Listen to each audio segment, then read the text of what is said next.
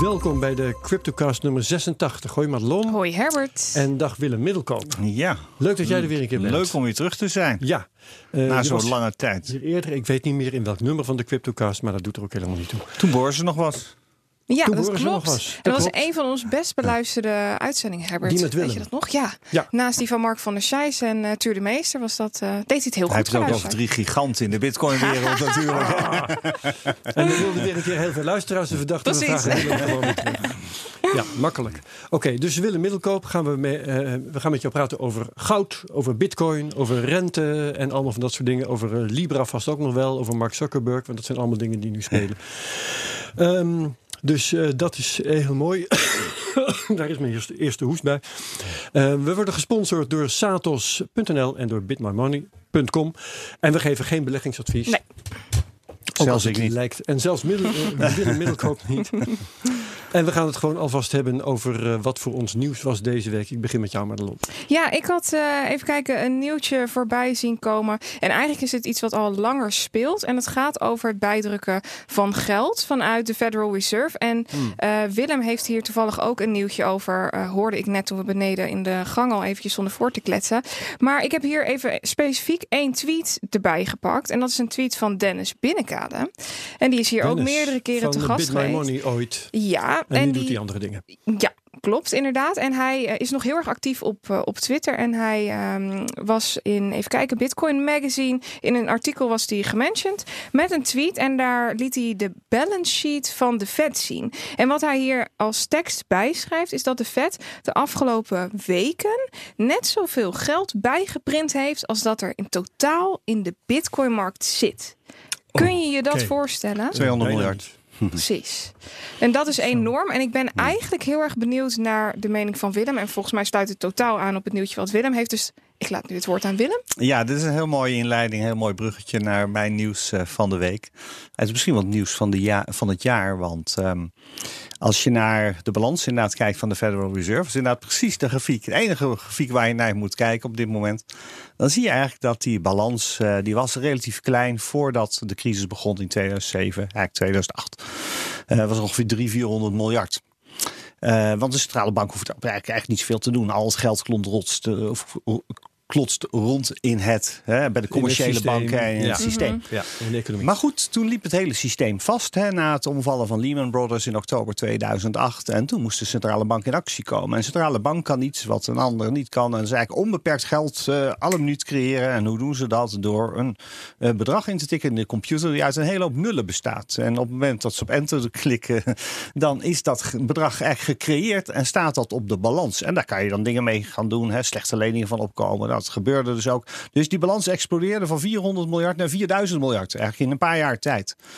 Nou, eh, dat, dat gebeurde omdat we allerlei eh, geldcreatieprogramma's hadden. Hè? Quantitative easing. Het wordt altijd heel eufemistisch aangeduid. Het wordt, eigenlijk, Ja. er wordt een begrip gebruikt zodat jij niet snapt dat het gewoon ordinair geld creëren is. Ja, Ehm, anders worden mensen Ehm, ongerust. Ja, maar door die QE 1, 2 en 3 eh, liep die balans dus op tot 4000 miljard. En toen zei de Federal Reserve, daar hadden, hadden ze ons eigenlijk al jarenlang op voorbereid. Jongens, besef, dit zijn tijdelijke operaties, want binnenkort gaan we de boel normaliseren. Hè. Dat is eigenlijk tien jaar lang het verhaal geweest. Wij gaan het weer normaliseren. En eindelijk begon inderdaad, vorig jaar, anderhalf jaar geleden, begonnen ze de rente weer wat te verhogen. Die was natuurlijk ook verlaagd naar 0% bijna. Ja. Ze begonnen de rente weer iets te verhogen en ze begonnen met quantitative tapering. ze begonnen dus eigenlijk eh, die balans weer wat te verkleinen. Dus dat die balans. bijgedrukte geld weer in te nemen als Eigenlijk wel, eigenlijk wel. En dat geeft dus de hoop naar de toekomst toe dat de crisis is opgelost en dat alles weer normaal kan worden zoals het vroeger was voordat de kredietcrisis uitbrak. Mensen zoals ik hebben altijd geroepen van laat je niet bedriegen, want het systeem kan helemaal niet zonder ondersteuning. En je zal zien dat er straks een nieuwe crisis is en onmiddellijk moet de geldkraan weer aan en moet de rente worden verlaagd. Hè? Allemaal boeken staan vol met dat soort teksten. En wat hebben we nou gezien de afgelopen echt drie, vier, vijf weken? Dat plotseling er een omslag te zien is. Ja, vanaf september ongeveer. Ja, en als je, naar de, als je inderdaad, als je naar de balans kijkt van de Federal Reserve, die, die liet een dalende lijn zien. En opeens zie je dat die dalende beweging, die draait 180 graden, zoals het rentebeleid ook 180 graden is gedraaid. Want Federal Reserve had gezegd, wij gaan door met de rente verhogen. En daar zijn ze mee gestopt, een paar maanden geleden. En nu blijkt die balans weer te exploderen. We kunnen helaas het plaatje niet laten zien. Bijna maar verticaal omhoog gaat ja, die, eh. er is gewoon een paar honderd miljard, drie, vier, vijfhonderd miljard in één keer Ja. weer bijgekomen in hele korte tijd. Is er verband met dat Trump is gaan blaten dat eh, de economie weer verder moest worden aangezwengeld? Nee, ehm, eigenlijk niet wat er aan de hand is. Want en nu komen we echt op, op het nieuws eh, van, van, van, van de week. Ja. En wat echt interessant is. Waarom is die balans opeens aan het stijgen? Want die vraag moet natuurlijk worden gesteld. Waarom is die balans opeens aan het stijgen? Waar moet er opeens geld worden gecreëerd? En dat komt, en dat wordt, het wordt weer verpakt in allemaal termen... waardoor wij er niks van begrijpen... en eigenlijk het, het grote bos in worden gestuurd. Er wordt gezegd, ja, er is sprake van wat spanning op de repo market. Nou, dan ben je iedereen al kwijt. Want wat is de repo market? Ja, dat is iets wat we hier- volgens mij. ja, wat we Het, hier eh, eerder besproken hebben. ja, heel oké. kort. Nou ja, maar la- Het, het terughalen van, eh, van bezittingen van. eh, ja, nee, daar gaat Nee. het ook niet om. Het gaat dit- over de overnight Weet je, in dit geval. Onthoud één ding. Het gaat Hou over het hart van het financiële systeem. ja. Dus er is een crisis in het hart van het financiële systeem. Dus je moet het financiële systeem eigenlijk zien als een beetje een soort loodgieters, eh, een plumbing network. Dus er lopen allemaal leidingen, die komen ergens samen en er staat ergens iets te pompen. Nou, dat hart heet Wall Street. En in het hart op Wall Street gaat er dus iets fout. Er is een liquiditeitstekort. Dus er wordt gezegd, er is, er is een liqu- liquidity crisis in de repo system. Dan snapt niemand het meer, maar wat betekent gewoon? Er is niet genoeg geld beschikbaar op Wall Street om, om wat te doen. Ja. En, want dat is de grote vraag. En ik heb een theorie. En ik ben niet de enige die dat roept. Maar officieel wordt dit dus niet verteld. Amerika heeft een tekort op de begroting van zo'n 1000 miljard per jaar. Dat is best veel. Hè? De staatsschuld is zo'n 21.000 miljard. Er komt dus 1000 miljard per jaar bij, omdat die tekorten op de begroting gedekt moeten worden. Hoe dek je de tekort op de begroting? Dat doen ze in Amerika net zoals in Nederland. Je verkoopt staatsobligaties.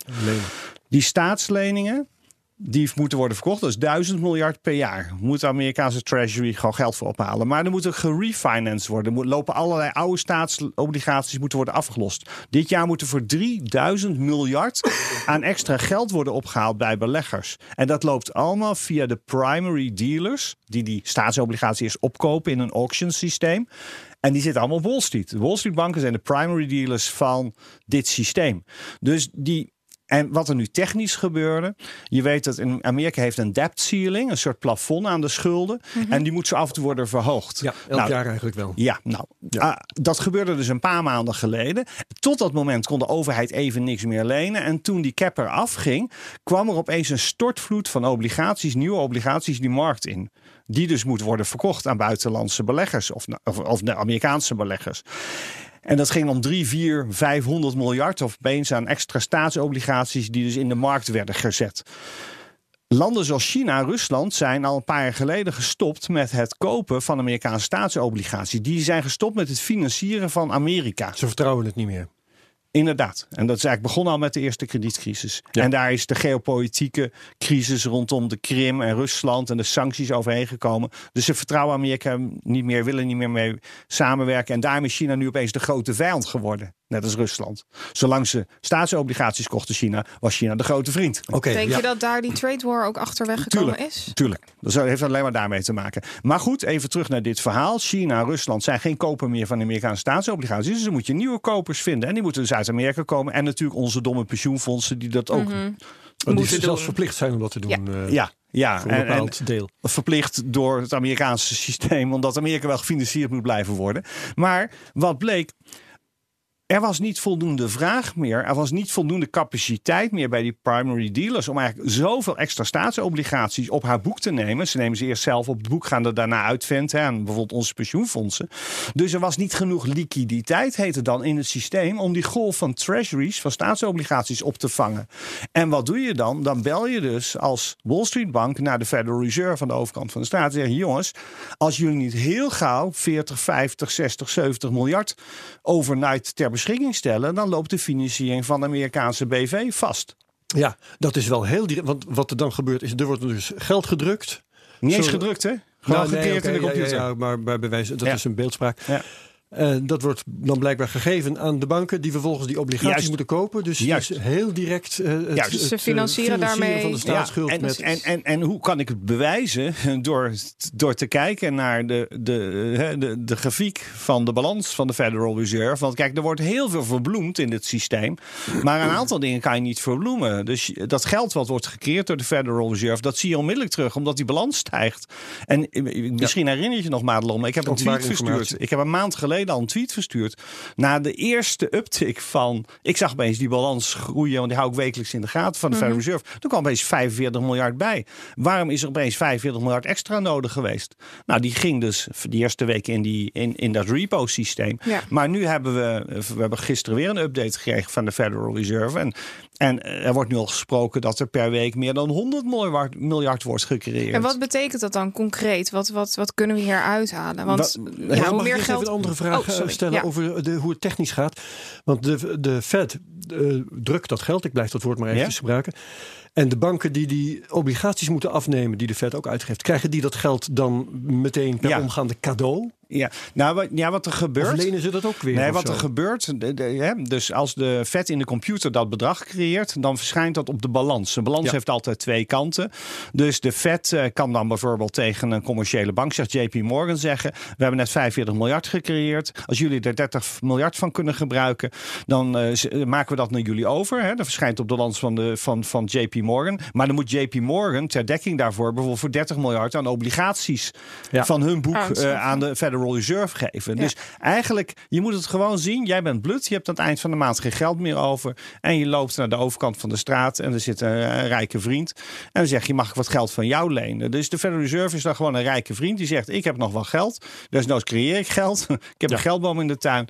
En dan kunnen we onbeperkt ehm, de spullen opkopen die jij niet kwijt kan. En dan komen we bij een heel belangrijk punt. Want heel veel mensen zijn altijd bang dat er een hele grote nieuwe crisis snel uitbreekt en het systeem ten onder gaat. Ik heb het afgelopen jaar geroepen, jij was erbij in de beurs van Berlage. Ik ben helemaal niet zo bang voor een grote nieuwe crisis als in één stort. Want alle brandweerauto's die zijn nu al uitgerukt. De slangen zijn uitgerold. Heel anders dan in 2008 toen de crisis als een verrassing kwam. En het enige wat ze hoeven te doen is de kranen opendraaien en een hele hoop Ja, water En dan kan het in feite eindeloos goed blijven gaan. tot het vertrouwen wegvalt Ja, want ik- van de beleggers. Ja. Geld op drukken leidt over het algemeen tot hyperinflatie. Nou, en dat, Ja. we kwamen bij de kern uit Ja. van waar, waar dat dat is Wat- precies waar, waar mijn vraag over ging. en inderdaad. vanochtend heb ik een tweet verstuurd. Eh, Weet je, dit, dit is niet Weimar Light, wat ik normaal was gebruik. Hè. Weimar was de hyperinflatie van de jaren 22, 23 in Duitsland. Toen eh, er eh, door de Stralenbank steeds meer geld werd gedrukt. om eigenlijk de schulden te kunnen afbetalen. Die na de Eerste Wereldoorlog hè, aan de geallieerden moesten worden betaald. Mhm. En daardoor is uiteindelijk die Deutsche Mark helemaal waardeloos geworden. En sindsdien is Weimar staat symbool voor een ja, uithollend eh, geldsysteem. Uithollende waarde van het Je kon geldsysteem. op een gegeven moment kon je goedkoper je muren behangen met biljetten van 50 miljoen Deutschmark dan er behang voor kopen. Ja, en je lost de hypotheek af met eh, postzegel. En de postzegel is op een gegeven moment 1 miljard eh, D-mark waard.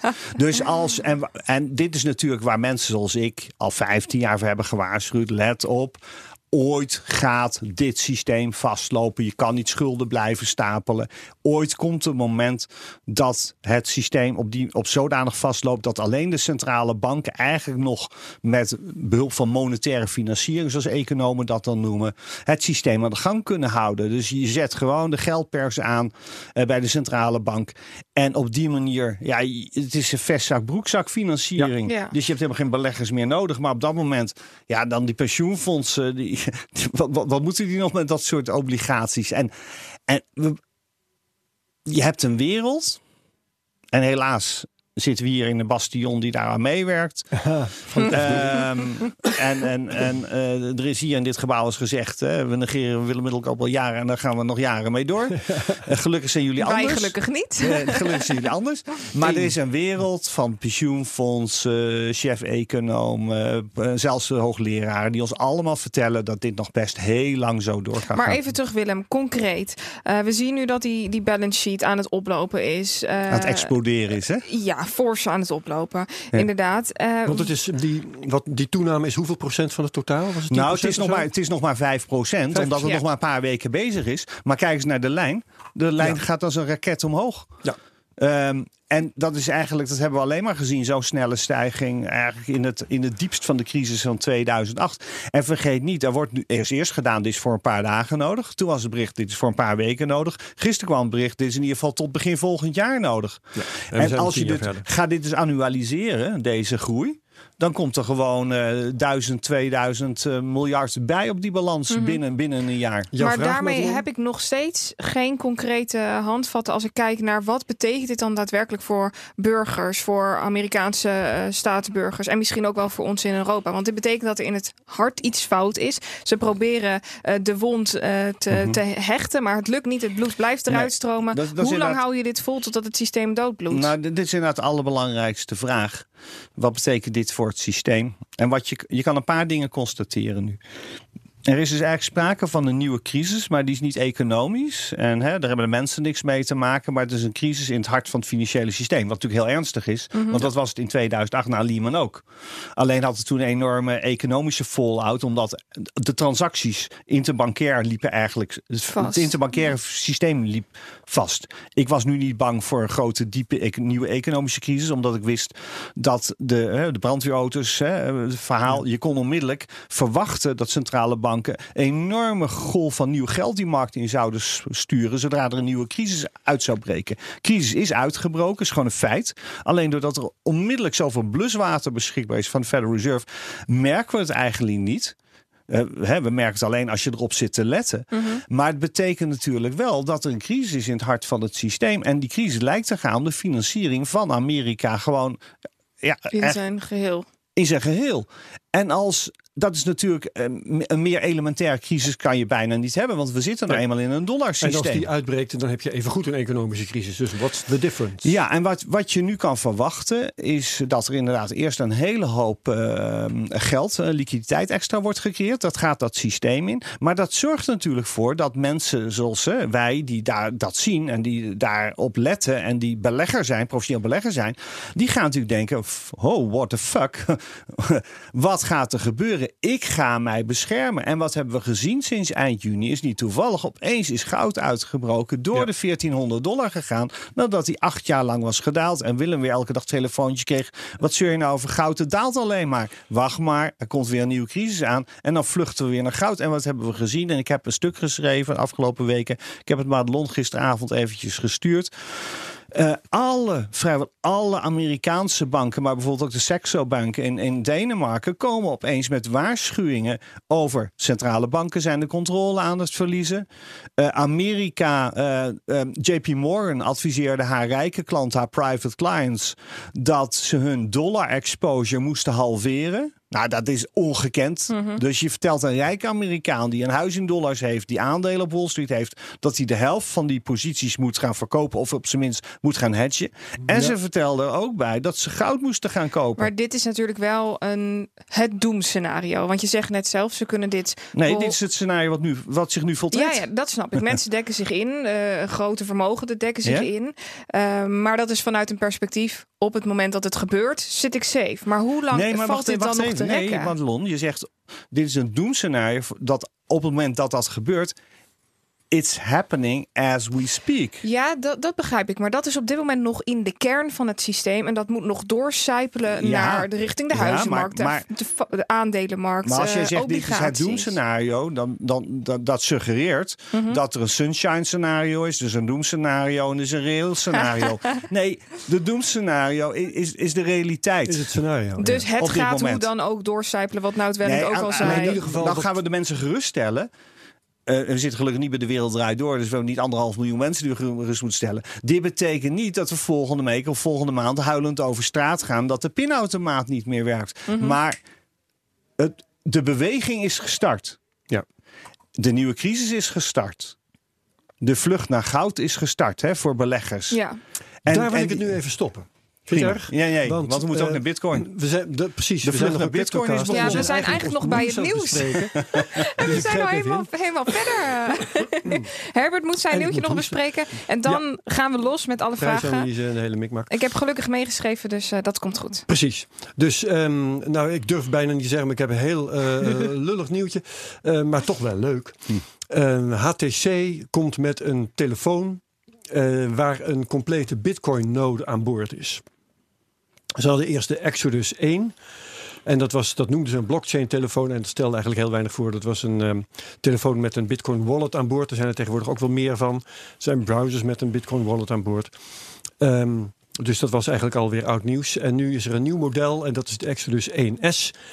En die functioneert als een complete Bitcoin-node, wat iets is tussen een Bitcoin-wallet en, eh, aan de ene kant en een Bitcoin-miner aan de andere kant.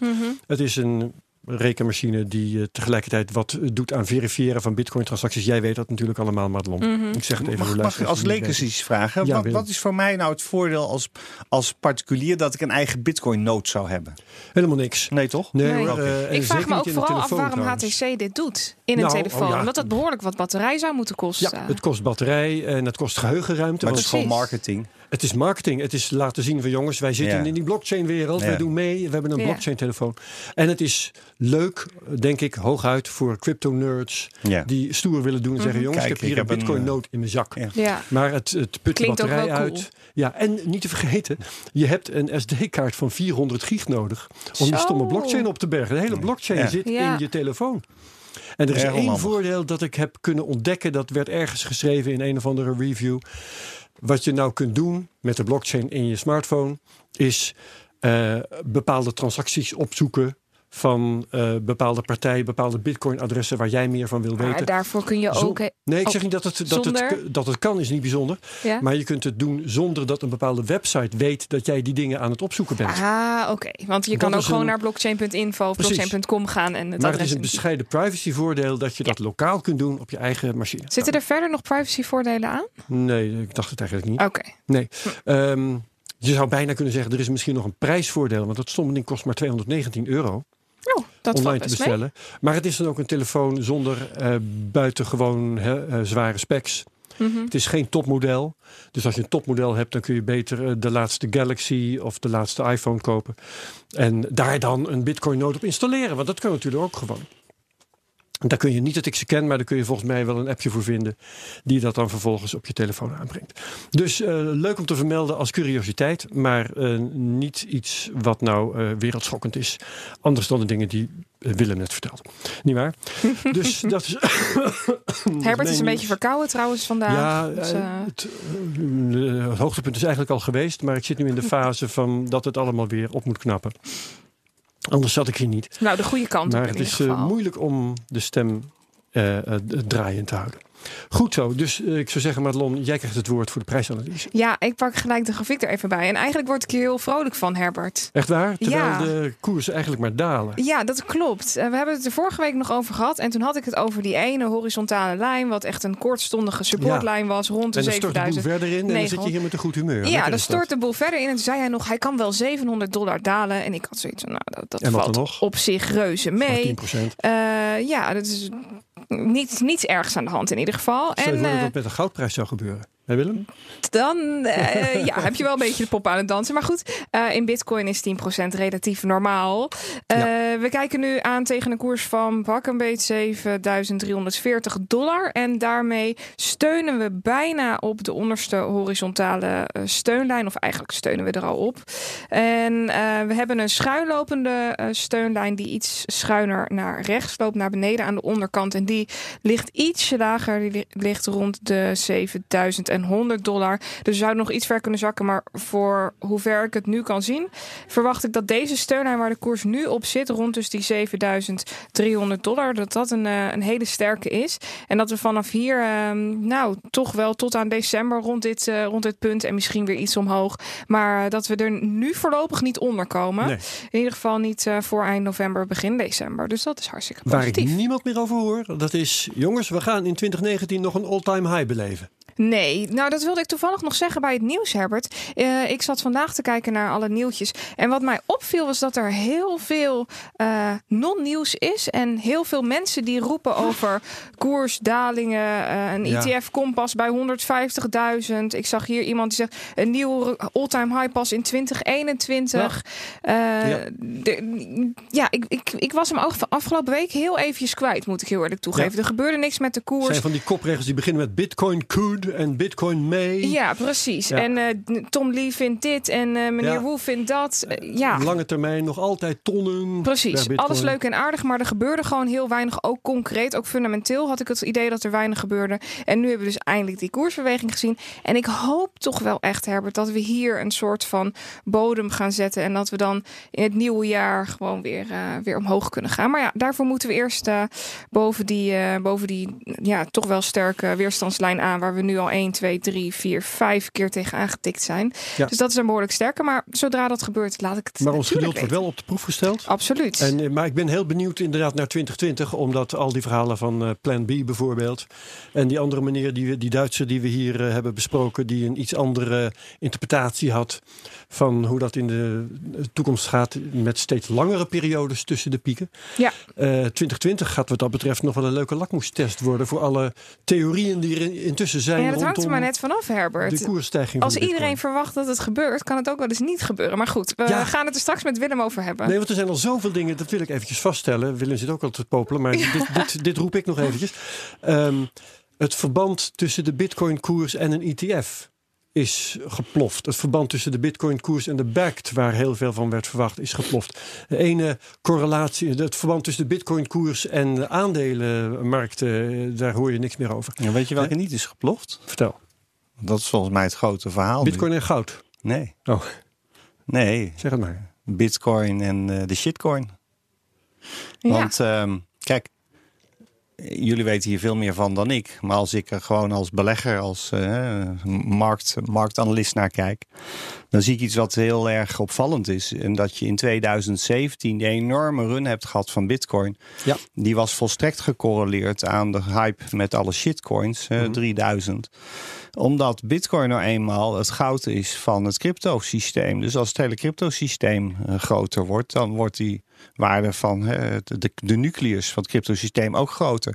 Als vervolgens de waarde van het hele cryptosysteem aan het afnemen is, en we zitten volgens mij nog steeds in de grote bear market, die ervoor gaat zorgen dat eigenlijk 99% van de shitcoins eh, ja, of naar nul gaat of verdwijnt. En we zitten nog steeds eigenlijk in een laatste grote golf. Al Kijk maar naar al die, eh, zelfs de Dash en zo, die maar- zijn allemaal weer gehalveerd sinds een paar maanden Ja. geleden.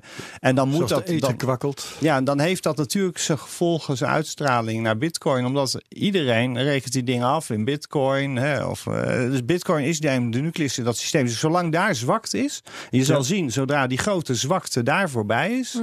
En dat, hè, dus dat je een capitulatiefase krijgt in een hoop van die shitcoins. En dan, dan komt de grote de, grote draai. Maar wat je, wat je dan ook zal gaan zien, dat Bitcoin is natuurlijk. Bitcoin wordt alleen maar sterker naarmate er meer shitcoins ten onder gaan. Want Bitcoin is, de, is niet alleen de last man standing, maar Bitcoin is, daar gaan we het straks over hebben, is, is aantoonbaar, is nu bewezen een enorme goede store of value te zijn. Het tegenovergestelde van al die shitcoins. Dus, dus Ja. Bitcoin gaat straks een revival meemaken. Dus misschien eindigen we wel op 5, 6. Ik denk ook dat dit de laatste beweging zo ongeveer is. Maar dan opeens sta je 50 straks. Mhm. En daar ben ik heilig van overtuigd. En dat gaat volgend jaar gebeuren. Dus ik heb zelf een kernpositie. Die heb ik nooit verkocht. Mijn tradepositie heb ik verkocht. En ik zit nu te wachten om terug te kopen. En mijn zoon stuurde vanochtend een appje. Want die is net 18, dus ze gaat studeren. En die zei, "Eh, papa, ik ga vandaag bitcoin kopen. Ik zeg, nou, je hebt heel goed gewacht. Maar ik zeg, doe nou alleen maar 50% van wat je, waarmee Ja, je wilde ja. beginnen. Ja. Want er kan nog een trein Een beetje, hoe heet dat ook weer? eh, De, dollar eh, cost average. Ja, eh, ja. Ik zit toevallig eventjes die, eh, de grafiek van de eh, dominantie te bekijken. En wat mij opvalt is dat de dominantie eh, nu relatief laag is. Die zit nu op een per procent of 14 van de andere, de overige altcoins. En we zien wel dat er een paar altcoins zijn die nou toch wel ten opzichte van Bitcoin het relatief oké doen. Sommige wel beter de afgelopen periode. Waaronder dus Litecoin, Ethereum en Ripple. Die zie of XRP, hoe je het maar wilt, eh, wilt noemen. Die zie ik eh, behoorlijk nog toenemen. En Maar als ik eigenlijk... het over die shitcoins heb, dan heb ik dus ook niet over die coins. Nee, hè? Dan echt heb ik de het over-. Ja. Eh, onder de top Er- 20. er- zeg er, maar. blijven, er blijven natuurlijk wel, wel een aantal cryptocoins die Ja. ergens een use case hebben en die Precies. ergens gebruikt gaan worden.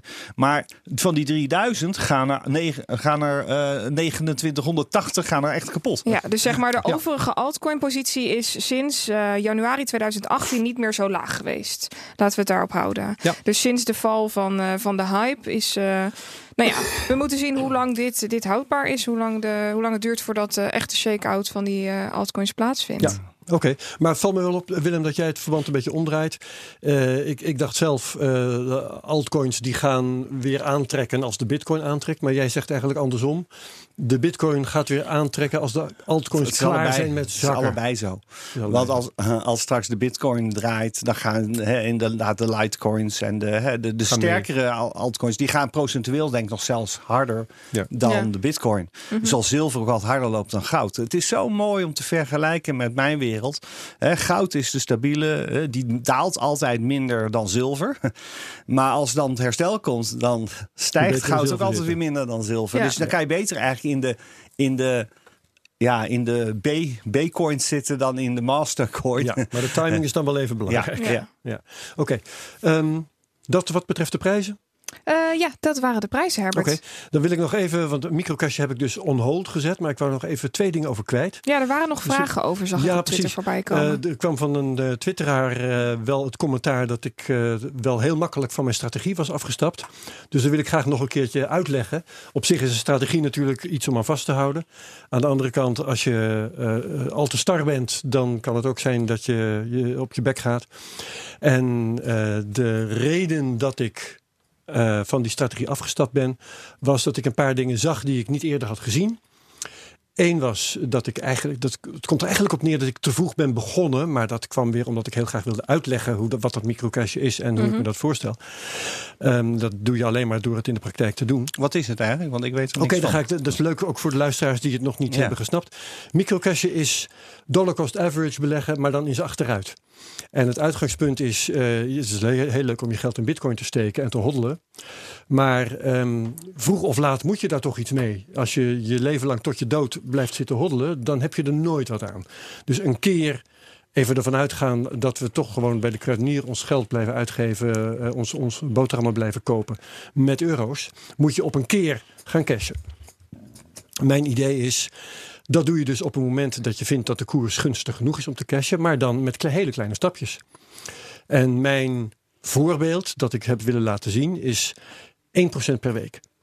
Ehm, terwijl ik in de praktijk denk ik dat je dat beter in 1% per maand zou kunnen doen. Maar eh, met de CryptoCast hebben we wekelijkse programma's. Dus Ja, 1% per week, dus dan ben je de helft kwijt in een jaar. Nee, want je doet eh, Oh. 1% van het totaal elke keer. Oh, Dus die oh, procentjes ja, ja, worden ook steeds kleiner. Betekent dat je na, ik geloof na 50 stappen heb je nog 54% over. En dat, eh, dat gaat heel leuk. Eh, een jaar later heb je nog, nog altijd 25%. Dus als de koers een keertje explodeert, dan profiteer je nog altijd mee. Dus eh, zo doe je dat. En eh, dan zijn er twee mogelijkheden. Of de koers stijgt en dan heb je een pinautomaat waar steeds meer in zit, terwijl je er steeds meer uithaalt. Dat is heel leuk. Eh, daalt de koers, dan kun je telkens wanneer de koers weer gedaald is, denken van nou, ik heb toch mooi toen hij nog hoog was, heb ik ervan geprofiteerd. Toen kwam ik er dus achter, en dan kom ik bij de reden om te stoppen. vorige week dat ik intussen aan het verkopen was op een niveau waarop ik, waaronder waarop ik eerder had gekocht. En dat vond ik niet zo'n geweldig idee. Ja, ik wou net zeggen, dit is een heel mooi systeem, maar dat moet je doen rond de top, hè? niet rond de bodem. Precies. precies. Ja. Nou ja, je moet eigenlijk voor de top moet je al beginnen. Maar Ja. goed, dat zijn Nou, details. daarom zeg ik rond de top. Ja, omdat je nooit weet waar de top Nee. ligt, begin je op tijd. Ehm, maar goed, de prijs was lager dan voor, waarvoor ik gekocht had. Daarom zeg ik ook, ik was eigenlijk te vroeg begonnen. Mhm. En bovendien kreeg ik dus in de gaten dat als ik nu het gecashte bedrag ging omwisselen, dat ik dan winst maakte in bitcoin. Wat trouwens past bij wat jij ooit hebt uitgelegd over jouw strategie, eh, eh, Madelon. Dat je er vooral op gericht was om bitcoin te accumuleren. Eh, en, en niet om, om euro's te accumuleren of iets dergelijks.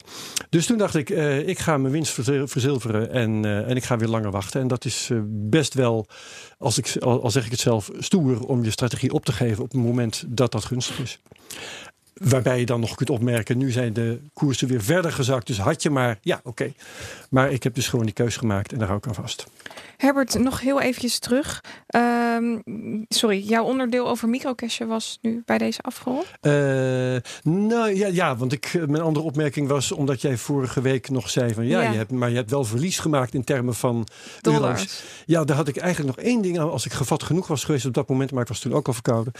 Ehm, Ik heb eh, wel degelijk, eh, als je het vergelijkt met wanneer ik niks had gedaan, dan had ik meer verlies gemaakt, ook in euro's. Ja, ja, ja, dat is absoluut waar. Minder Hè, verlies ik heb, gemaakt. Ik heb meer bitcoins precies. sowieso dan waar ik mee begon. Ja. Maar ook als je kijkt in de, naar de dollarwaarde, dan heb ik minder verlies gemaakt in dollars dan wanneer ik niks Mhm. ja, had gedaan. ja, ja, absoluut. Dus sowieso is eh, per saldo is je het altijd meer bitcoin over, dus dat heb. is sowieso beter dan Ja. als je de positie Precies, dus nou ben ik daarover uitgepraat. Ik wilde nog heel even terug naar eh, het nieuws, Herbert. Want ik zie net nog een nieuwtje staan van jou dat je een tweet voorbij zag komen van Simon Lelyveld over Mark Zuckerberg met helicopter money Klopt. eh, omtrent Libra. En ik lees dit nu net, want ik zit net een, een foto van ons op, op Twitter te, te zetten. Ja, Ehm, en ik zie dus hier dat, eh, dat inderdaad het gerucht gaat dat eh, Mark Zuckerberg met helicopter money komt. ik vraag me af of dat eh, eh, verkeerd is geïnterpreteerd van wat hij heeft gezegd. Ah. Want ehm, hij heeft ongetwijfeld gezegd dat hij vroeg of laat sowieso met die Libra wil komen. ja. Ehm, maar ik heb zelf nergens kunnen vinden dat hij van plan is om iedereen gratis Libra's te geven. Oké. Dat, dat, dat betwijfel ik dus op dit moment. Oké, want heb- er is inderdaad, uh, Teunis Broosens reageert erop, George Ja, wordt- reageert. precies, dus daar wordt moeten we even gereageerd linkje... alsof het waar is. Maar ik, Ja, misschien moeten we even een linkje in de show notes zetten, zodat de luisteraars die hele Wat belangrijker is Simon natuurlijk. geeft geen link eh, van eh, die bewering dat Ja. Mark Zuckerberg helikoptermolly zou gaan uitdelen. Ja, Eh, Stellar doet dat wel, hè? daar hebben we het onlangs over gehad. Die geeft Mhm. gewoon airdrop. Maar dat er een Libra airdrop aan eh, zou komen, dat betwijfel ik zeer. Al Oké. was het maar omdat die hele Libra nog een onzekere uh, onzekerheid Dat wou ik net is. zeggen. Het belangrijkste is natuurlijk dat Libra gewoon niet doorgaat. Ja, nou, als, als Libra niet doorgaat, komt er sowieso ook geen helikoptermolly. Jij bent Ja, ervan dat overtuigd dat Libra Ik ben niet van de bomen en het bos en ik praat liever over het bos. Juist. Oké, hartstikke goed.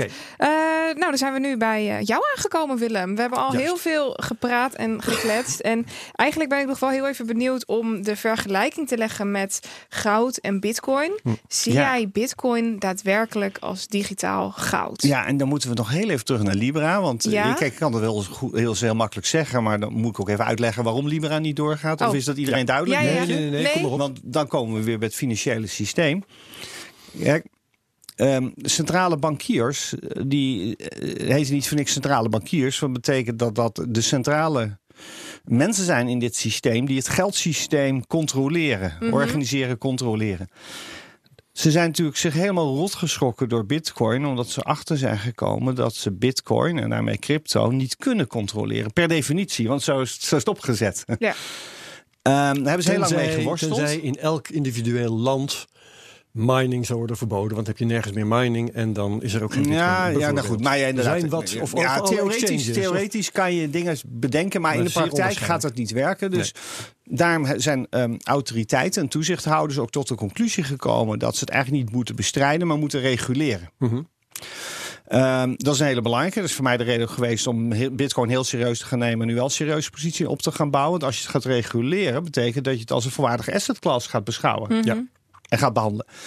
Nou, dat, dat hebben natuurlijk de, de mensen van Facebook en andere grote bedrijven ook gezien. Dus die hebben gedacht: oké, als dat wordt geaccepteerd, dan kunnen wij ook iets zelf iets gaan verzinnen. Wat een heel grote positie kan krijgen als een soort eh, digital asset. En daar is het geniale Libra-idee het voortgekomen. Hè? Dus als je het Libra-idee. Als al die aangesloten partijen eraan meedoen, die grote bedrijven die zeggen: dit wordt onze nieuwe handelsmunt, dan zou dat natuurlijk een revolutie kunnen veroorzaken. En centrale bankiers zijn zich natuurlijk opnieuw rot geschrokken van dat Libra-idee. En Ja. zijn vervolgens daar zo van geschrokken dat ze wat ze wel kunnen doen, is hun invloed aanwenden.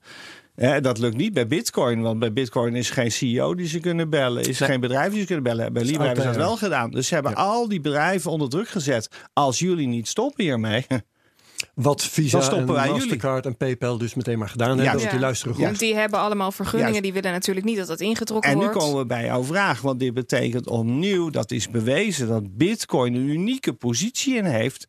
Want er kan niet eens een vervanger komen. Want er dreigde dus een vervanger op te staan. Een Libra die eventueel groter kan worden dan Bitcoin. Nee, want Bitcoin heeft zo'n unieke situatie opgebouwd de afgelopen tien jaar. Dat bitcoin kan nooit meer verdwijnen. Bitcoin heeft 9% gemiddeld rendement opgeleverd voor de mensen die er vanaf de eerste dag in zaten. Daardoor zijn de grootste institutionele beleggers nu heel serieus naar bitcoin aan het kijken. 9% zeg je? Gemiddeld Per maand, hè? Per maand, Gemiddeld. ik zeggen. Ik zeggen. Per ja. maand. Ja, Misschien ja, ja. zei ik dat er niet bij.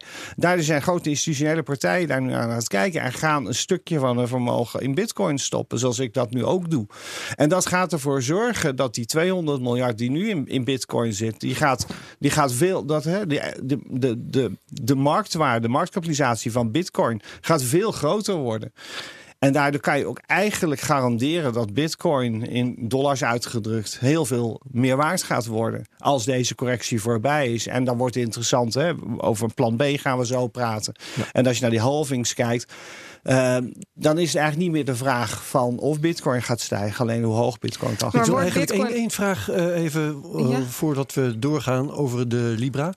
Want ik wil Oh. graag weten wat volgens jou het grootste gevaar van de Libra is voor centrale banken. Nou, al- als je de grootste bedrijven ter wereld hebt, die gezamenlijk een paar miljard mensen bereiken. En die gaan een eigen munt creëren, waar je als centrale bank geen, geen controle over hebt. Centrale bankiers, eh, ik tweet het vaak, hè, banksters, they hate competition.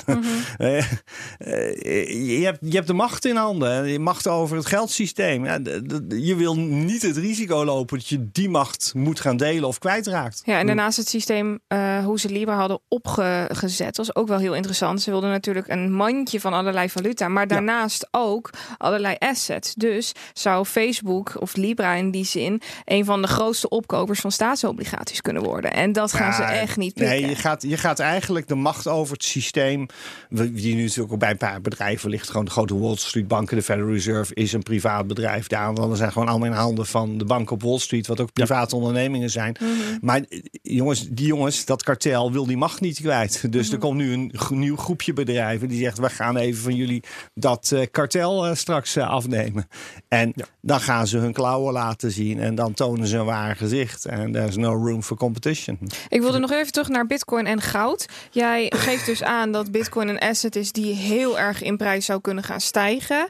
Eh, voor een betaalmiddel is dat niet zo handig. Maar Bitcoin vergelijk je wel met de potentie van een betaalsysteem als je het vergelijkt met Libra. Is Bitcoin dan digitaal goud of is het dan echt een betaalmiddel? Ja, dat is, dat is eh, heel belangrijk. Kijk, als we het over geld hebben, dan moet het altijd hè, aan die drie voorwaarden voldoen. hè. Unit of account, dus je moet erin kunnen boekhouden. Maar is dat nog wel van deze tijd? Ja, dat is nog steeds van deze tijd. Dat zijn gewoon de, de karakteristieken van het geldsysteem. Je moet erin kunnen boekhouden, je moet erin kunnen afrekenen en je moet erin kunnen sparen. Hè, als je het financiële systeem over de afgelopen eeuw bekijkt, daaraan moet geld altijd voldoen. Anders Ja. kan je niet over geld spreken. Nou, het bitcoin is dus altijd langs die meetlat gelegd. Mhm. Ehm, en daardoor zijn we eigenlijk een beetje eh, eh, op een dwaalspoor gezet. Want eh, heel lang hebben we natuurlijk gedacht dat we bitcoin gingen gebruiken als medium of exchange, als betaalmiddel. Je ging je pizza betalen met bitcoin. Nou, ik heb wel eens boeken verkocht op een bitcoin, een bitcoin congres of een geldcongres. En gingen mensen inderdaad die, die, die boeken afrekenen met bitcoin. Heel dom van die mensen, want ik heb nog nooit zoveel geld voor, een, voor één boek gekregen. Dus eh, bitcoin is eigenlijk helemaal niet zo eh, interessant als betaalmiddel, maar het is geweldig succesvol gebleken als, als store of value. En het store of value is nou precies waarom het zo interessant is en ehm, ook op eh, goud lijkt en eigenlijk digitaal goud is. Ehm, omdat goud gebruiken we ook niet om af te rekenen. Dat is heel erg onhandig om het goud te gaan afrekenen. Daar hebben we allemaal veel slimmere dingen voor verzonnen. Nou, dat zie je bij Bitcoin ook. We hebben allemaal veel slimmere dingen bedacht om digitaal af te rekenen.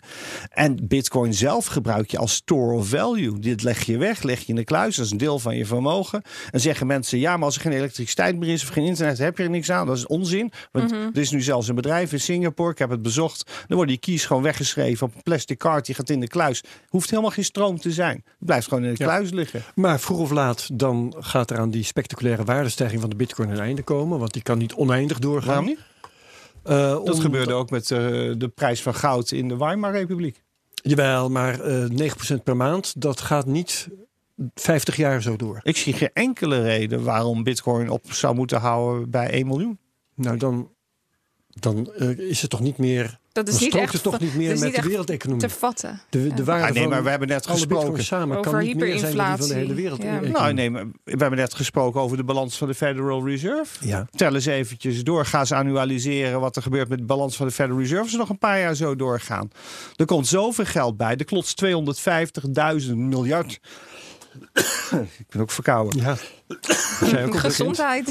Het is Madelon the last woman standing. Ja, er klotst 250.000 miljard rond in dit systeem. En het duurt nog heel lang voordat eh, de waarde van bitcoin dat niveau eh, bereikt. En in die tussentijd groeit dat systeem ook door. Dus ehm, en vergeet niet, er zijn zo weinig mogelijkheden om je nu als vermogende ja, eh, belegger te beschermen tegen de monetary madness, zoals ik dat noem. De, de ongekende geldcreatie. Je hebt het net zelf Ja. verteld. De Fed creëert in een week meer dan de hele marktkapitalisatie dan- van de bitcoin. Dan praat je dus wel eh, een bitcoin die nou, voor mijn part miljoenen waard is, maar dan wel in gedevalueerde dollars. Juist. Absoluut. Maar Ja, daar, nee, vergeleken met Weimar. Ja, nee, zeker, zeker, zeker. Maar eh, dan is het, ja, oké, dan, dan praat je over eh, inderdaad bescherming van waarde en niet van stijgen, niet over stijgen van waarde. Maar en, en daarom is het net als waarde. nou, daarom is het digitaal goud. En daarom is het zo interessant als goud. Goud heeft de afgelopen 2000 jaar haar koopkracht volledig behouden. Ik zeg altijd tegen mensen: je koopt goud als verzekering, als bescherming. Niet om geld mee te gaan verdienen. Je, je koopt het gewoon om je koopkracht op peil te houden. Ja. Want dat heeft goud al 2000 jaar gedaan. En zal de komende 2000 jaar ook gaan doen. Maar zijn En- bitcoin en goud wat dat betreft heel erg anders dan bijvoorbeeld grond of onroerend goed of iets dergelijks? Nee, kijk, ze zijn allebei schaars. En de schaarste in bitcoin is eigenlijk nog groter dan bij goud. Omdat we allemaal weten dat er ooit een einde komt. En dat gebeurt zelfs binnen 150 jaar aan het mijnen van nieuwe bitcoin. Goud zullen we altijd blijven mijnen. Hè? En, maar grond is een heel mooi voorbeeld. Grond kunnen we niet bijmaken. Nee, kan geen grond worden geldt bijgemaakt. dus hetzelfde voor. Ja. Ja. En, en daarom is, als ik vermogende mensen spreek of geef presentaties, Madelon was erbij, zeg ik altijd 25% in vastgoed van je vermogen, Juist, ja. 25% in fysiek goud en zilver. eh, een, een 5 of 10% in, in bitcoin. en, en de rest mag je ook nog wat aandelen gaan kopen en wat gaan speculeren. Als je durft. ja. Ja. Ja. Dus het is eigenlijk heel simpel aan het worden. Ik heb eh, hier Makkelijk. een tweet eh, van eh, Crypto 1924. En die zegt het volgende. En we hadden het hier net al even kort over. Het lijkt alsof bijna iedereen expert is. En zijn moeder de aanstaande crisis zal voorspellen. En vele significante prijsstijging. En ook een veel significantere prijsstijging van de bitcoin verwachten. Hoe groot acht jij de kans dat dit juist niet gebeurt? Want iedereen die denkt het op dit moment. Hoe groot is de kans dan dat je juist contrair zou moeten Ja, denken? dat is grappig dat hij dat zegt. Iedereen denkt dat bitcoin omhoog gaat. En Ja. waarom daalt de bitcoinprijs dan? Op dit moment bedoel je? Als Korte iedereen, termijn, lange termijn? Nee maar, nee, maar het is dus niet waar. Iedereen denkt niet dat Bitcoin omhoog gaat. Want dan stond Bitcoin nu op een all-time high. Mhm. Klopt, er zijn ook nog altijd wel eh, financieel deskundigen voor wat het waard is. Die zeggen bitcoin 300 Op de dollar. lange termijn, na de Maar halving, kennelijk op de markt zijn er meer verkopers nu dan kopers. Dus Ja. niet iedereen Ja. denkt dat. Maar wat je straks zal zien, en dat is heel interessant, als zodra deze downtrend voorbij is, dan sta je binnen een paar weken op 20.000. Omdat die iedereen.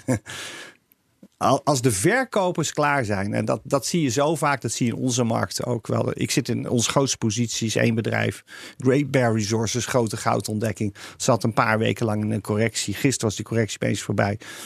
14% hoger in de zucht. Zijn- Als de verkopers klaar zijn, heb je maar zo weinig vragen nodig om iets te laten exploderen. En we zijn kudde dieren en we zitten allemaal naar elkaar te kijken en die lijntje in de gaten te Wat is daarvoor nodig dan? Want fundamenteel gezien kun je met Bitcoin vrij weinig. Ehm, als je kijkt naar de grafiek, kun je heel mooi lijntjes trekken. Je kan meebewegen op de koers, maar je kan de koersen niet voorspellen. Ehm, is, daar heel- dan, is daar dan een, een echte diepe crisis voor nodig? Waarbij Nee. het vastgoed ineens stort, waarbij de aandelen ineens storten? Je bedoelt voor, om Bitcoin weer te laten shinen? Ja. Nee, nee. Er is, het, is veel, het is heel simpel. Want goud wordt gezien als een store of value. En, Ja, als maar een nee, uitweg maar- wanneer er eh, economisch het, het minder goed gaat. Ik dan weet, zou ik weet niet of jullie naar de video's kijken van Real Vision. Mhm. Real Vision, hè? Nog de, café Weltsmerts eh, van, van de financiële wereld in Amerika. Waar Ja. echt lange interviews met hele interessante mensen worden. Je kan nu vrij goedkoop een abonnement krijgen. Het zit wel achter de paywall, maar het is echt het geld waard. Ja. Daar hebben ze nu heel veel video's over voor crypto. Dus juist als je serieus bent over crypto, moet je daar gewoon een abonnement denk ik nemen. En dan hoor je, er zijn zoveel hele vermogende partijen in Amerika. Die zitten allemaal met dezelfde technische analyse tools te kijken wanneer deze downtrend voorbij is. Als deze downtrend voorbij is, dan zegt dat slimme geld, en het gaat echt om heel veel geld. Dit is het moment om geld aan het werk te zetten. Wat ik over mezelf vertelde, ik heb mijn kernpositie, maar mijn handelspositie is twee keer zo groot. Die heb ik verkocht een paar maanden geleden. Ook ik ga dan terug de markt Toen in. hij nog boven de 10.000 stond, Ja, je? ver ja. boven de 10.000. En je- je gaat niet kopen nu op 7000 als je straks misschien op 5000 kan kopen. Maar zodra duidelijk is dat we een dubbele bodem hebben gehad, die bodem is hertest, je gaat door de dalende trend, moet je kijken hoe hard het gaat. En precies hetzelfde gebeurde een half jaar geleden. Toen we opeens een dubbele bodem hadden rond de 4.000, 5.000. Ja, ja, ja. En toen we die downtrend doorbraken, binnen een paar maanden stonden we veert- 14.000. En het effect wordt volgens mij nu nog sterker, omdat dit is de perfecte dubbele bodem. Want je hebt die dubbele bodem, je hebt de eerste bodem al gehad rond hè, tussen de 3 en 5000, die is een paar keer getest. Je gaat nu een bodem krijgen tussen de 5 en 7000, of misschien zelfs rond de 7000. En als dit is getest, dan gaat het zo hard. Vooral omdat die halving eraan zit te komen. Dus puur op basis van technische analyse. Juist. En- Momentum traders, Oké. hedge Dus hij onderschrijft ook de analyse van plan B dat die halving Ja. essentieel is. Oh ja. Oh ja. En ja, kijk, plan B kan niet die rally in gang zetten. Maar hij heeft wel heel, heel veel invloed gehad. eh, tot op in de hoogste kringen. En ehm, er zijn heel veel mensen die daarvoor misschien niet ervan overtuigd waren. dat eh, Bitcoin eh, in ieder geval 100.000 zou gaan en mogelijk naar een miljoen. Maar die daar nu aardig van overtuigd zijn. En zijn verhaal. Hoe overtuigd ben jij van zijn verhaal? Ja, enorm. In, ik heb iets gedaan wat ik eigenlijk nooit doe. Ehm, Nou, dat is interessant. Ja, Ja. ik, ik volg die, je weet, ik volg die cryptowereld echt op afstand. En ik zie wel eens wat voorbij komen, maar ik zit zeker, ik heb nog nooit, ik had daarvoor nog nooit blogs beluisterd en zo. En ik volg dat niet elke week. Ik doe dat op mijn eigen vak. Maar ik zag een tweet voorbij komen van hem. Ik weet ook niet meer waarom, waarom ik hem volgde of iemand retweette het volgens mij. ik Dat volgde hem zelf ja. niet. En ik ken stock to flow vanuit goud hè, als, als begrip. En, en op een ik zag stock to flow en bitcoin. En soms heb je iets. Ik had ook eens iemand op straat ontmoet. Toen weet je. kwartje. Ja, nou, ik denk dat moet ik lezen. En ik las het. En it made sense to me. En, en hoe hij schreef, het leek alsof het, een, alsof het iemand was uit mijn kring of zo. Hoe hij ook over geld schreef. En toen ben ik die, die podcast gaan beluisteren. Die eerste die meteen uit was gekomen. Met Livera, of hoe Ja. heet hij? En toen hoorde ik onmiddellijk aan zijn stem dat het een generatiegenoot was, dat het een Nederlander was. Je hoort toen hoe hij formuleert dat het een 40, 50 is uit Nederland. Ik formuleer ook zo. En ik hoorde, hij praatte alsof hij mijn tekst voorlas op een gegeven moment, ook toen over goud had. Ik denk, wij denken hetzelfde. Ik denk, ik moet hem kennen, maar ik ken hem niet. Ik ken zijn stem niet. Dus ik heb onmiddellijk een DM gestuurd. En ik zeg, ik, ik heb het gevoel dat ik je moet kennen of zo. Weet je, is- ik herken zoveel. Niet, niet het crypto gedeelte, maar hoe hij naar het financiële systeem drinken? En toen kreeg ik meteen, ik kreeg meteen een reactie van hem Ja. terug. En toen zei hij van het is begonnen dat ik zeven jaar geleden Goud en het Geheim van Geld heb gelezen. Jouw boek. En toen, toen ben ik, toen viel het kwartje dat plan A gaat falen. Dit systeem kunnen we niet overleven. En toen ben ik over goud na gaan denken. En uiteindelijk ben ik Bitcoin tegengekomen. En dat heeft me pas echt gegrepen. En toen hebben we onmiddellijk afgesproken. Maar hij wil niet in een café of in een restaurant afspreken. Want hij is. Kijk, die man heeft een hele bijzondere positie. Ik moet uitkijken wat ik zeg. Maar die is een hele hoge. ehm, hij zit heel hoog in een Nederlandse financiële organisatie. En hij werkt dus dagelijks in plan A, in het hart van het systeem. Hij is jurist en kwant. Hij weet vreselijk veel. Hij werkt. Nee. En hij wilde dus niet in het openbaar met me gezien worden zelfs. En ik had een eh, strandhuisje in, eh in Castrium waar ik woon. Ik zeg, kom dan daar naartoe. En toen is hij de volgende dag daar naartoe gekomen. Hebben we uren zitten praten. En nu gaan we regelmatig eh, wat eten. En, en we hebben allemaal plannen. En want ja, we hebben dezelfde visie. En ik, ik schreef al over plan B in zes jaar geleden in, in, in, in, de, in de Big Reset. Weet je, ik gebruik gewoon dat woord.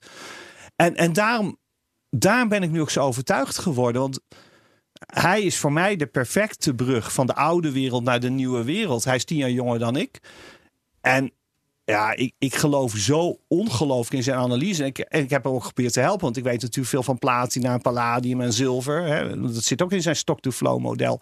En hij vindt het weer interessant dat ik vanuit die commodity wereld daarnaar kijk. En uh, we zijn nu bezig een roundtable gesprek op te zetten. Uh, met de jongens van In Gold Trust in Liechtenstein. En ja, het is gewoon een, een vriend erbij in, in, de, in, dit vak. Dat is fantastisch. Kun jij zeggen wat iemand bezielt uh, die zo gelooft in, uh, in plan B, hè? in uh, bitcoin en dergelijke, om in dat plan A te blijven ja. werken? Dat vraag ik hem dus, dus elke keer. Van ja. hoe, hoe lang denk je dat nog vol te dat kunnen houden? Zo pijnlijk. En hij heeft, nu, hij heeft nu officieel toestemming om plan B-activiteiten anoniem naast te mogen doen. Wat ik verbijsterend vind. Want je kan dat eigenlijk in een organisatie niet hebben. Maar hij is zo hoog in die organisatie dat hij, dat hij gewoon. Hij heeft gewoon zichzelf toestemming gegeven, bij wijze van spreken. Nou, nee hoor. Hij heeft Dat wel- dan nog wel een baas boven zich. Maar, maar ik heb gezegd, ja, er komt een moment dat je moet kiezen. Er komt een moment, en we hebben zitten praten over de Doodle Vision, hè, of je dat nou wel of niet anoniem moet doen en wanneer je. Maar hij, hij zit natuurlijk met gouden kettingen vast in Maar hoe zin. pijnlijk is het dat je anoniem moet verschijnen?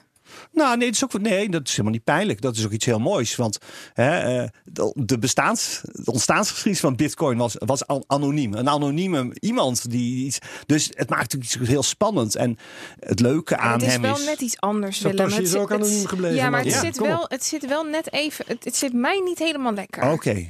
Maar ik. Ik, Ik vind het juist wel leuk hoor, moet ik zeggen. Ik heb veel met hem erover gepraat. Eh, over, ik heb zelf natuurlijk ooit meegemaakt dat ik bekend werd en dat de crisis kwam en je had het voorspeld. En ik heb hem verteld de eerste keer. Ik zeg, "Er ga- je gaat een golf meemaken. Iedereen gaat je ontdekken. Iedereen gaat met je willen praten. En je moet dat dus op een bepaalde manier managen. En dan is het heel interessant dat je juist een beetje. Laat me het niet wel, alles eh, zien. ja, dat is ben je waar. veel, ben je veel spannender, veel Playing interessanter. hard to get. Ja, Ja. ja. En dat, ik vind het heel leuk dat ik hem daar een beetje als oude wijze man in kan. eh, Hier zegt iemand eh, op Twitter, de Bitcoin Standard, is dat. eh, ik vraag me steeds af hoe het komt dat het stock-to-flow model voor goud zo mooi chart. Terwijl de gehele goudmarkt is gemanipuleerd door centrale banken. Als ook het bestaan van papieren goud. even kijken. dat moet toch invloed hebben op, een op de onbestaande stok. Ja, nou ja, kijk. Op korte termijn kan je dingen manipuleren. Maar uiteindelijk gebeuren de grote, hè, de grote krachten in de natuur. Daar ben ik heilig van overtuigd. Die sturen alles aan. En daarom kennen we ook de Fibonacci-reeks. En Mhm. daarom kom- bestaat de Elliott Wave ook. Het zijn eigenlijk allemaal natuurkrachten die dingen bepalen. En Bitcoin wordt ook gemanipuleerd. We hebben de, de bevestiging deze week gehad. We hadden we ook als nieuws kunnen brengen. Hè? Er heeft een CFTC, een toezichthouder in Amerika, heeft gezegd: we wilden eh, de, de hype van Bitcoin, de vlucht van Bitcoin, wilden we stoppen. En toen hebben we gedacht van, eh, we kunnen dat mogelijk via de futures doen. Dat hebben we geprobeerd en dat is gelukt. Gewoon nu formeel bevestigd. Wat eigenlijk al jaren hebben geroepen van, let op. eh, Ze gaan op een gegeven moment ook proberen bitcoin onder controle te krijgen. Ehm, dus ik ben, ik ben daar... Je moet niet altijd denken als iets gemanipuleerd is... dat dan andere wetmatigheden niet meer opgaan. Dan, eh, Ja, dus jij zegt die, die natuurkrachten die onder de is bitcoin een liggen, markt, eh, die Ja. een opwaartse druk geven, die winnen toch wel. en bitcoin had- was sowieso toe aan een correctie. Dat is waar. En misschien was hij anders eh, drie maanden later begonnen Ja, dan... eh, Met een andere aanleiding. Ja, Ja. Ik wil nog heel eventjes terug naar het financieel stelsel. Eh, hier is ook toevallig een vraag over. En ehm, deze vraag luistert als volgt. Eh, ziet Willem in de toekomst een financieel stelsel... welke zowel door goud als bitcoin gedekt wordt... eh, of door geen enkel van beide? Of één enkel van beide? Ja, nee, kijk, het is heel duidelijk dat Bitcoin zal niet worden geaccepteerd. Zoals de Libra ook niet werd geaccepteerd. Of wordt geaccepteerd. We hebben het bewijs nu. Mhm. Door de, de, ja, de powers that be. Hè, de, de, de Wall Street jongens.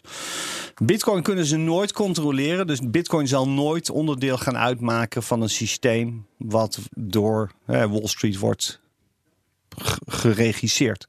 Gestuurd zoals we dat nu kennen. Ja. Eh, goud is altijd wel onderdeel van dat systeem geweest. Ja, je hebt En- er van de week nog over getwitterd. Of twee Ja. weken geleden. Ja, dus goud eh, in de kluizen in New York ligt nog steeds goud. Dus het is nog steeds onderdeel van het Wall Street systeem. Dus daarom is het heel erg logisch om te verwachten dat eh, goud altijd een onderdeel zal blijven. Het is af en toe groter, is af en toe kleiner, maar wel binnen dat financiële systeem. En er gaan nu geruchten op Wall Street dat de dollar wel eens gedevalueerd zou kunnen gaan worden op korte termijn. En wat En houdt dat in je- voor een, voor een leek? Dan ga je de dollar, de waarde van de dollar, bijvoorbeeld 40% verlagen. Eigenlijk Zo- overnight. Zoveel? Dat is in 1933 ook gedaan, in de vorige crisis. Werd al het goud ingekocht tegen 20 dollar per ounce. Maar er is nu geen crisis. Jawel, ik heb net uitgelegd. Ja. Dat er In het hart wel. Nee, in het hart van het systeem. En dat is een crisis om de dollar. Oké, ja, ja. En vergeet niet dat de, de Trump wil dat de dollar lager gaat. Zeker, tegenover En- China. Als JP Morgan haar rijke klanten gaat vertellen dat ze hun exposure naar dollars moeten verlagen van 80 naar 40 procent. Dat kan je maar met één reden doen als je weet dat er een dollar devaluatie aankomt. Anders ga je dat niet adviseren. Ja, ja, ja. En die dollar devaluatie kan glijdend zijn, maar het kan ook plotseling stappen, zijn. Ja, ja. Ja, ik kan gradueel zijn. in- ja. En we hebben een aantal dollar devaluaties in het verleden gezien die overnight gebeurden. En is in 1933 gebeurd. De Roosevelt is onderdeel van de New Deal. En je kan de dollar alleen maar devalueren ten Ja. opzichte van goud. Dus dan stijgt goud.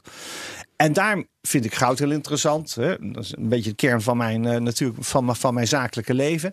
Maar bitcoin is heel interessant. Omdat bitcoin eigenlijk een hedge is op, op, op alles wat er in dat systeem gebeurt. En je bent er geen onderdeel van. En bitcoin heeft haar eigen plek onder de zon. Maar zal niet deel worden van dat systeem. Maar daarom is het juist zo Dus interessant. een hedge Het is op een alles hedge wat mis kan gaan. Juist. zeg maar.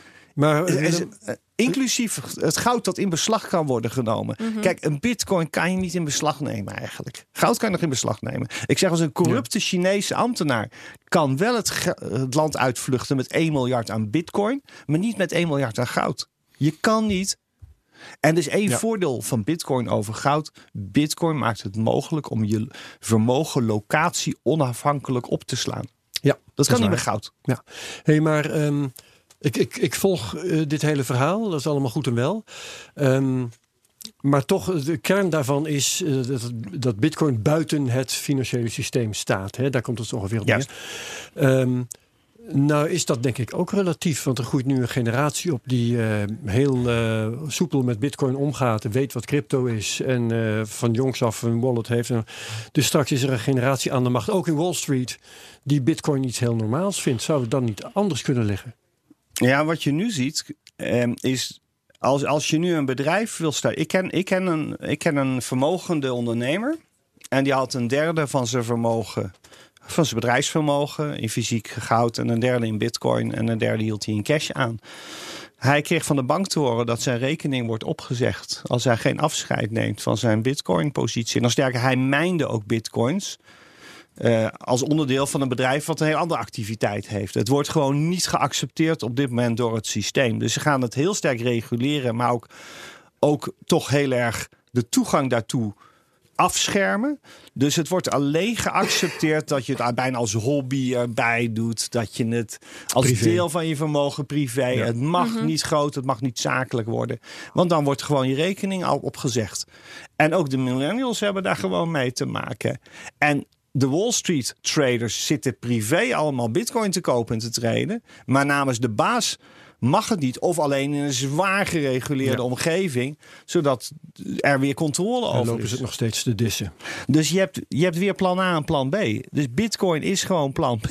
En, en plan B kan nooit samenwerken met plan A. Dat is, dat gaat niet Nee. samen. Dus dan zou je een soort van parallel systeem krijgen naast het hele financiële stelsel, wat eventueel Dat is het eigenlijk al, hè? met de dollar gekoppeld zou kunnen worden. Ja, dat is het eigenlijk nu al. Want je kan je bitcoin omzetten in dollars door hè, bepaalde, via bepaalde exchanges Mhm. gewoon naar fiat te gaan. Ja. En dat is, ook, dat is ook de kwetsbare schakel natuurlijk. Ja. Want overheden kunnen ertoe besluiten dat die schakel gewoon wordt gekild.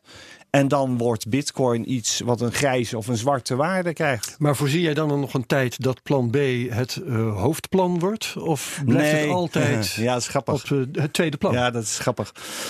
Ehm, dat de crypto-fans die denken altijd van... nou, laat dit systeem storten. En dan... eh, ik, nee, ik geloof... Ik geloof er niet in als ik met plan B spreek... die, die gaat daar verder in. Die denkt dat op een gegeven moment landen ervoor zullen gaan kiezen om hun valuta te gaan koppelen aan bitcoin. Of het gebeurt ondanks wat een land wilde. Venezuela, Turkije, Zimbabwe. Ik, ik, kan, me- ik kan me voorstellen dat in de. erop overstapt. Dan Als het wordt, het, vertrouwen wegvalt. dan, ja. dan wordt het razend interessant, maar dan wordt het ook heel erg eng. Heel pijnlijk. Ja. Nou, je, je Ja. ziet, kijk, En in, in landen. gebeurt dat ook niet, hè? want je kunt altijd wel zeggen Venezuela, maar eh, daar is uiteindelijk toch nog steeds de Bolivar, of wat is het, is, is leidend. Ik denk dat dan de repressie op plan B zal zo groot worden. Ja. Dat je, en, en- maar dan zit je tegen revolutionaire krachten aan. Maar, dan, dan, maar misschien, misschien hoort dat wel. De fourth turning, zeg je dat wat? Nee. Misschien, Maar Londen. ja. Er, er is een stroom die verwacht dat alle spanning die nu wordt opgebouwd, alle waanzin in dit systeem, ooit gaat leiden tot inderdaad, ja, Een mega revolutie. all-out collapse, eh, ja, revolutie. Eigenlijk het westerse kapitalisme, ineens. zoals, stort. zoals het communis, het communistische systeem. In een paar weken was het, een paar maanden was het eigenlijk voorbij. Mhm.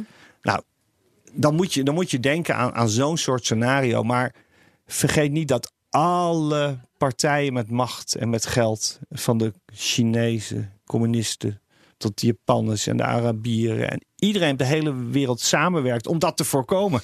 Ja. Dus ik wil niet speculeren over de ondergang van de wereld. Weet je, heeft er geen zin. Nee, en 50 jaar vooruitkijken, dat is sowieso Nee. best wel lastig. Ik ben wel 57. Dus. Goed, Ja. ik denk dat we het hierbij moeten laten. Ja, denk ik ook. Dankjewel Willem Middelkoop voor je inzichten. Dankjewel Madelon. Herbert, jij bedankt. Ehm, wie hebben we volgende week? Is volgende week al crypto tijd? Eh, en dan heb ik het over cryptografie. Volgens mij hebben we volgende week ik pak hem. Christian Schaffner. En ik kijk even even, snel of ik de planning eh, erbij kan halen. En dat kan ik. Ja hoor, volgende week hebben we Christian. Schaffner. eh, die ons alles gaat vertellen over de quantumcryptografie. Oh, dat wordt interessant. En hoe dat de bitcoin zou kunnen aanvallen. En Ja. hoe je ook de bitcoin daar en andere cryptomunten daartegen zou kunnen verdedigen. Top. Dat Dus vind ik ook een interessante. buitengewoon ja. interessant. Ja. We hebben al één luisteraar, die heet Willem Middelkoop. dus, en verder kun je nog ehm, de CryptoCast steunen door op iTunes een review achter te laten. Of door op Twitter je te uiten met de eh, handle CryptoCastNL. Dan zien wij het meteen ook. En dan eh, geef je ons ook een steuntje in de rug. Dus doe dat. En verder, heel graag tot volgende week. Bedankt, dit was de CryptoCast. Hoi.